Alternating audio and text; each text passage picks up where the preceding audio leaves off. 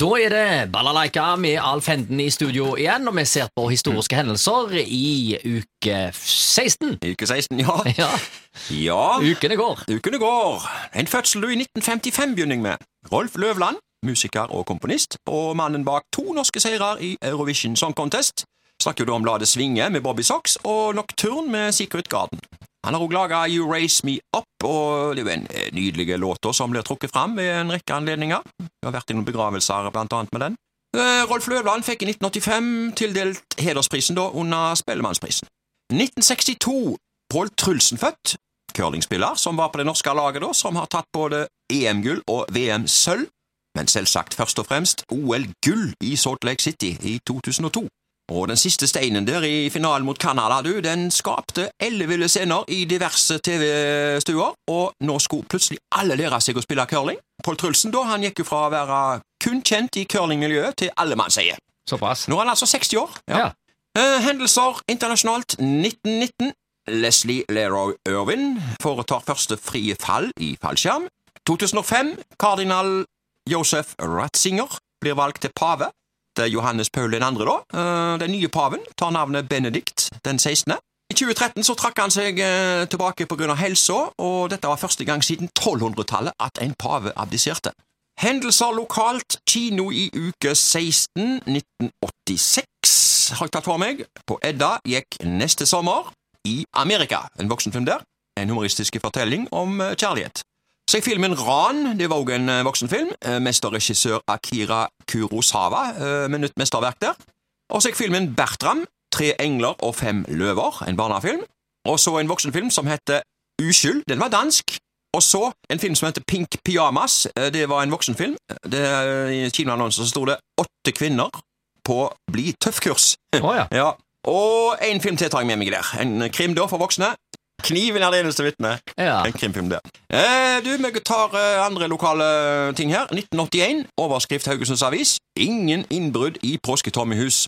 Det har vært en rekke innbrudd i Haugesund i påskehelgen, men de typiske påskeinnbruddene i ferietomme hjem har man ikke fått noen meldinger om i år. Vaktmesterboligen til Sjømannshjemmet er blant de som er hjemsøkt, men her, som de fleste andre steder, er det ikke stjålet noe særlig. Frisør, eh, Phoenix frisørsalong er frastjålet en nette sum av 32 kroner etter innbrudd, men det er rotet mye i lokalene, får vi opplyst. Det har også vært innbrudd hos Stensport i Victoriahjørnet, men det er uvisst hva som er borte.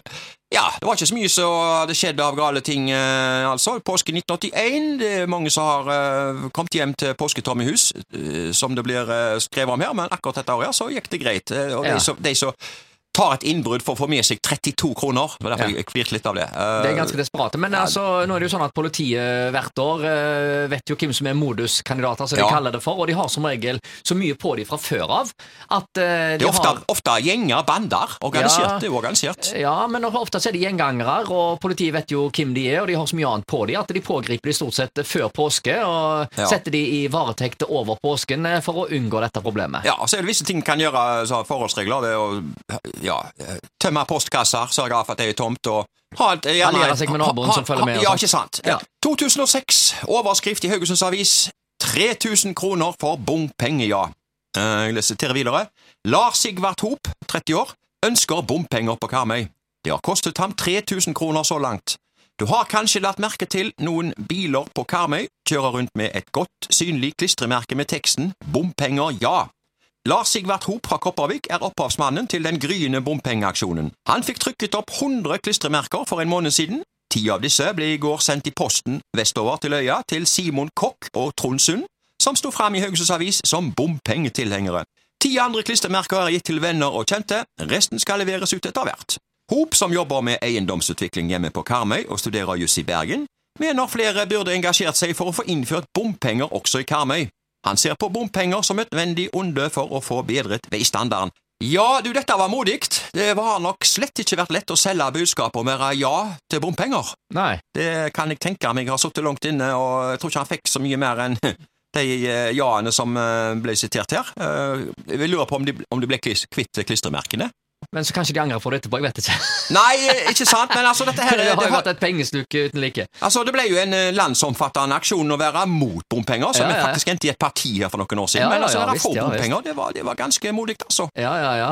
Så, men du kan si eh, i utgangspunktet så ble det jo solgt uh, gull og grønne skoger, vet du. Så noen gikk nok uh, på, på, på propagandaen og uh, var veldig positive. Dette var altså i 2006, men hvor står bompengesaken i Karmøy i dag? Eh, jeg tror det er Bomfast. ganske Ja, bomfast. Ja. Nei, jeg tror det er veldig stort eh, flertall eh, imot. Men Ja.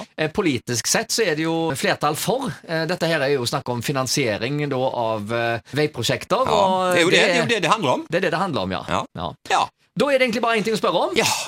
Bompenger! Hot or not? Oi, det er hot. Jeg vil gjerne ha det klistremerket. Hvis det er noen igjen, så vil jeg ha et.